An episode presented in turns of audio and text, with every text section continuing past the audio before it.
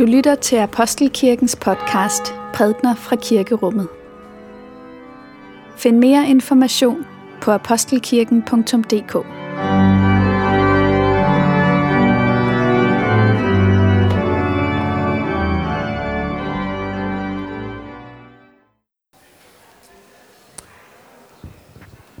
God formiddag alle sammen. God formiddag og velkommen til gudstjeneste i Apostelkirken. Det er dejligt, at I er her. Gudstjeneste er jo noget, vi giver til hinanden. Så dejligt at kunne fejre det sammen med hinanden. I dag er det Trinitatis søndag, og hvad det handler om, det skal vi høre i dag. Temaet er troens treklang, og I kan følge med i gudstjenesten i den folder, som ligger nede bagved. Det er også en god idé at have en salmebog med i dag, når vi skal synge sammen. Dette hellige evangelium skriver evangelisten Matthæus. Lad os takke for Guds ord. For Guds ord i skriften, for Guds ord i blandt os, for Guds ord inden i os, takker vi dig Gud. De 11 disciple gik til Galilea, til det bjerg, hvor Jesus havde sat dem stævne. Og da de så ham, tilbad de ham, men nogen tvivlede. Og Jesus kom hen og talte til dem og sagde, mig er givet al magt i himlen og på jorden.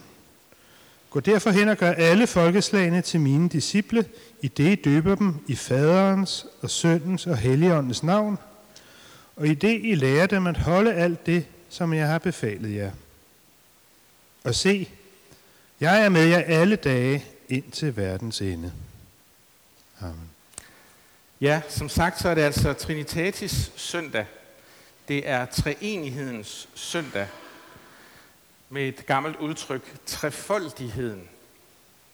Og fra nu af og indtil vi rammer adventstiden i slutningen af november, november så kommer de prædikentekster, vi skal lytte til, de kommer meget til at handle om, hvad det vil sige at leve som et menneske sammen med Jesus i Guds verden. Vi har gået igennem historien om Jesu fødsel. Vi har haft den indadvendte fastetid, som ledte frem til den store fest påsken. Og sidst har vi haft pinsen, ånden, som kommer til os. Og i dag fejrer vi simpelthen hele mulvitten, fader, søn og helligånd. Øhm. Og det gør vi altså med tekster, som ligesom lægger op til at spørge os, hvad det betyder for os, alt det vi har hørt indtil nu. Hvad betyder det for vores liv fra nu af og fremover? Og det er ligesom teksten i dag, som vi netop har lyttet til, der skal åbne det tema for os. Treenighed altså. Trinitatis. Trefoldighed. Og der er jo altså også noget med tre i musikken. Det er jo ofte sådan, at det, som vi forbinder med vellyd, sådan rent musikalsk set, det er i virkeligheden ikke én, men tre toner. Hvis man for eksempel tager en stor terts og så en lille terts ovenpå, så bliver det til en durklang. Det er en lyd, som vi har lært at kende som et udtryk for harmoni og hvile. Det lyder godt. Hvis du så bytter om på dem, altså at du tager den lille terts først, og lægger en stor ovenpå, ja, så får du en målakkord, og den lyder sådan her. Og det er sådan en lyd, vi forbinder måske med vemod, eller melankoli, eller alvor. Og man kan så variere musikalsk de her tre toner, og jeg har læst mig frem til, at der findes syv typer af treklange. Altså syv måder, man kan sætte tre klange sammen, tre toner sammen, så det giver en særlig lyd. Vi kender det måske bedst, hvis vi ser en, en god film, hvor en god og dygtig komponist har skrevet musikken. Ja, så kan vi jo opleve, hvordan en mester, en musikalsk mester, kan være med til at understøtte og fremkalde det følelsesmæssige spil, vi måske sidder og kigger på med vores øjne. Det bliver ligesom fremkaldt inden i os, også af den musik, vi lytter til. Vi kender det fra klassisk musik, at så forskellige artede følelser som tvetydighed og vægelsind og, sind og farer og uro, angst eller forelskelse, det kan også udtrykkes musikalt. Musikalsk med et bræt skifte eller en elegant overgang. Og vække noget inde i os, som vi genkender, selvom vi måske ikke har hørt det musik før, så forstår vi alligevel, hvad det følelsesmæssigt vil os. Så god musik, det taler også der, hvor der ingen ord er.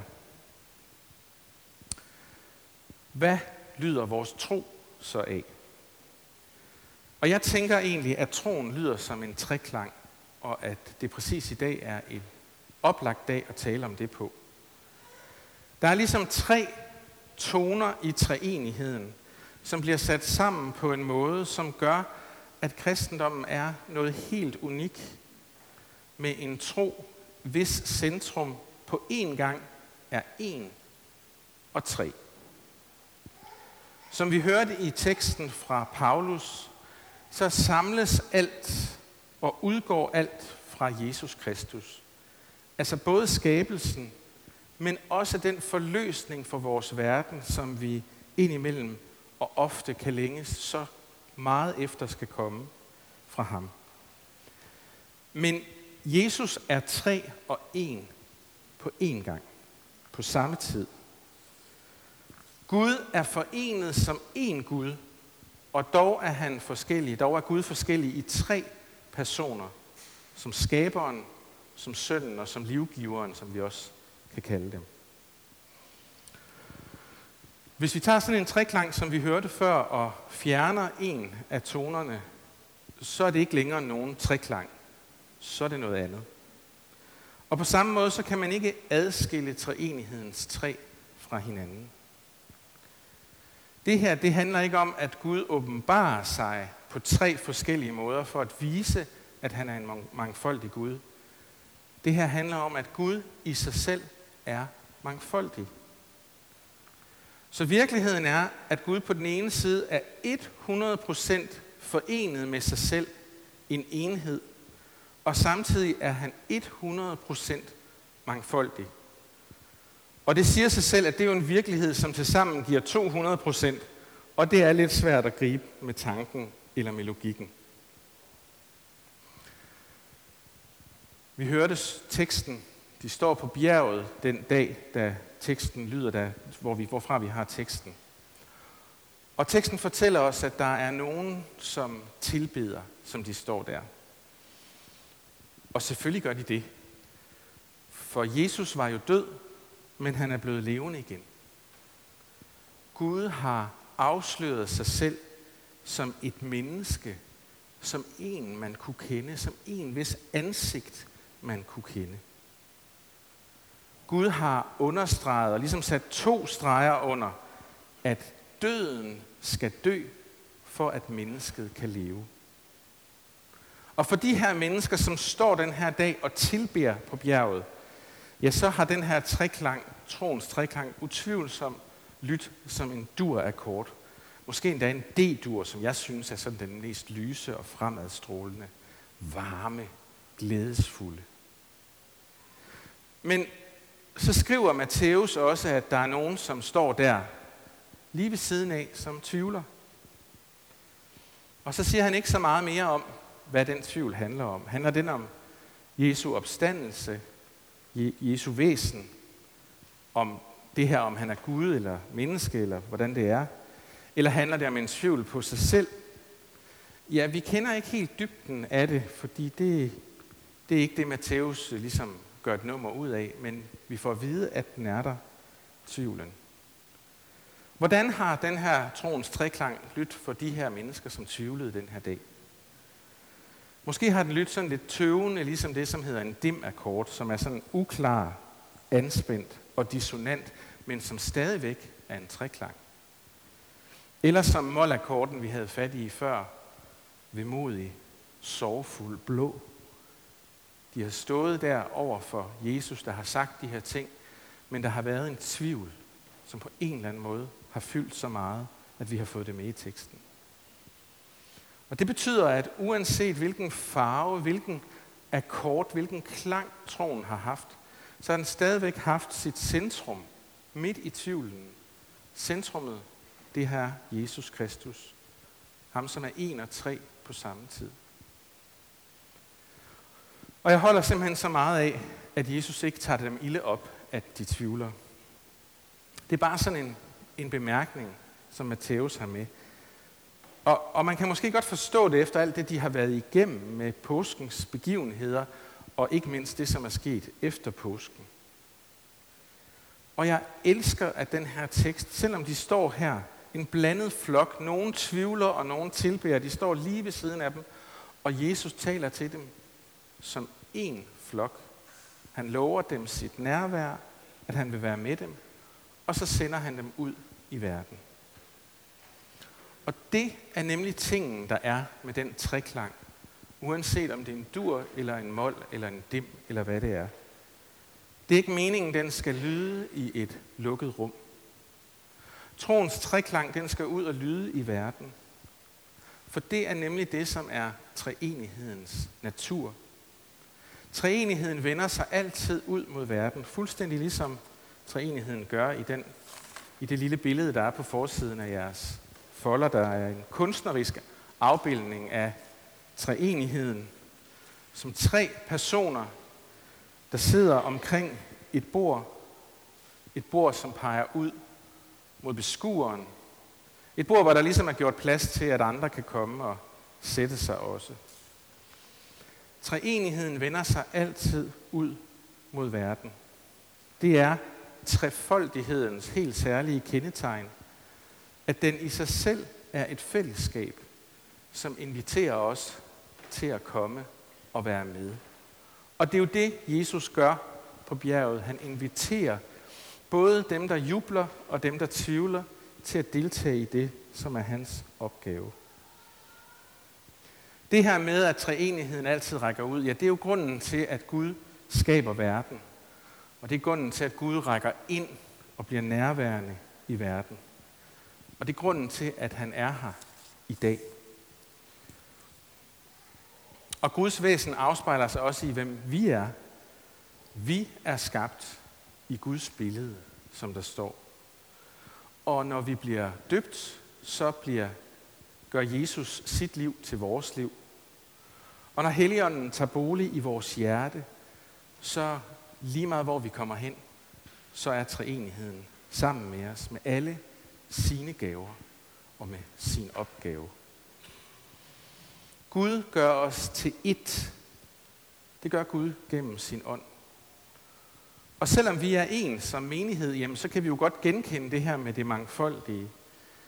Ja, vi er en menighed, og der er en Gud, men der er mange udtryk, fortællinger og beretninger om, hvad er det så, det vil sige at være et menneske i Guds verden.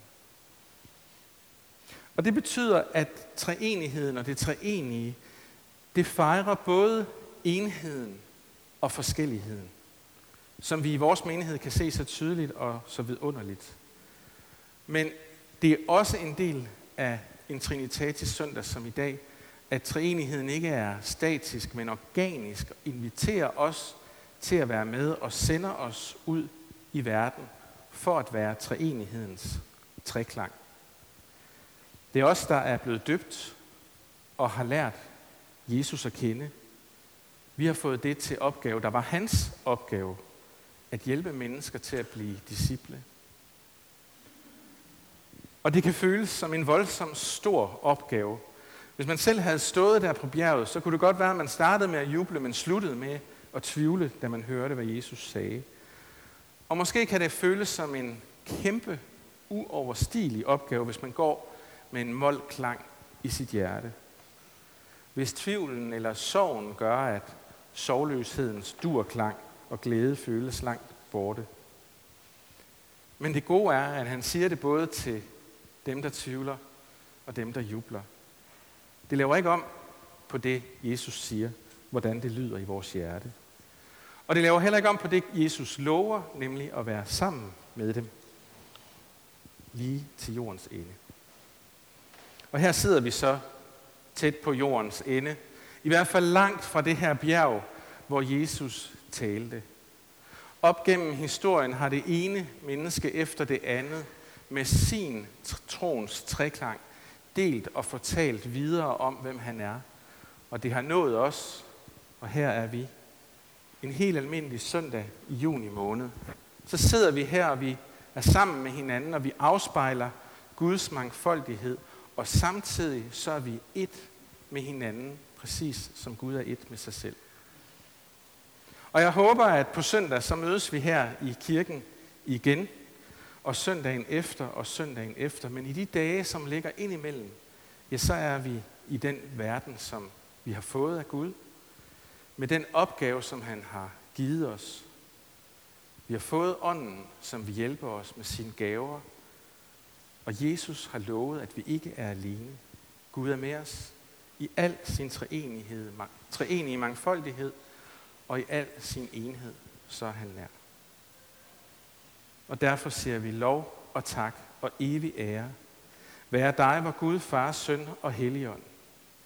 Du som var, er og bliver en sand treenig Gud. Højlovet fra første begyndelse, nu og i al evighed. Amen.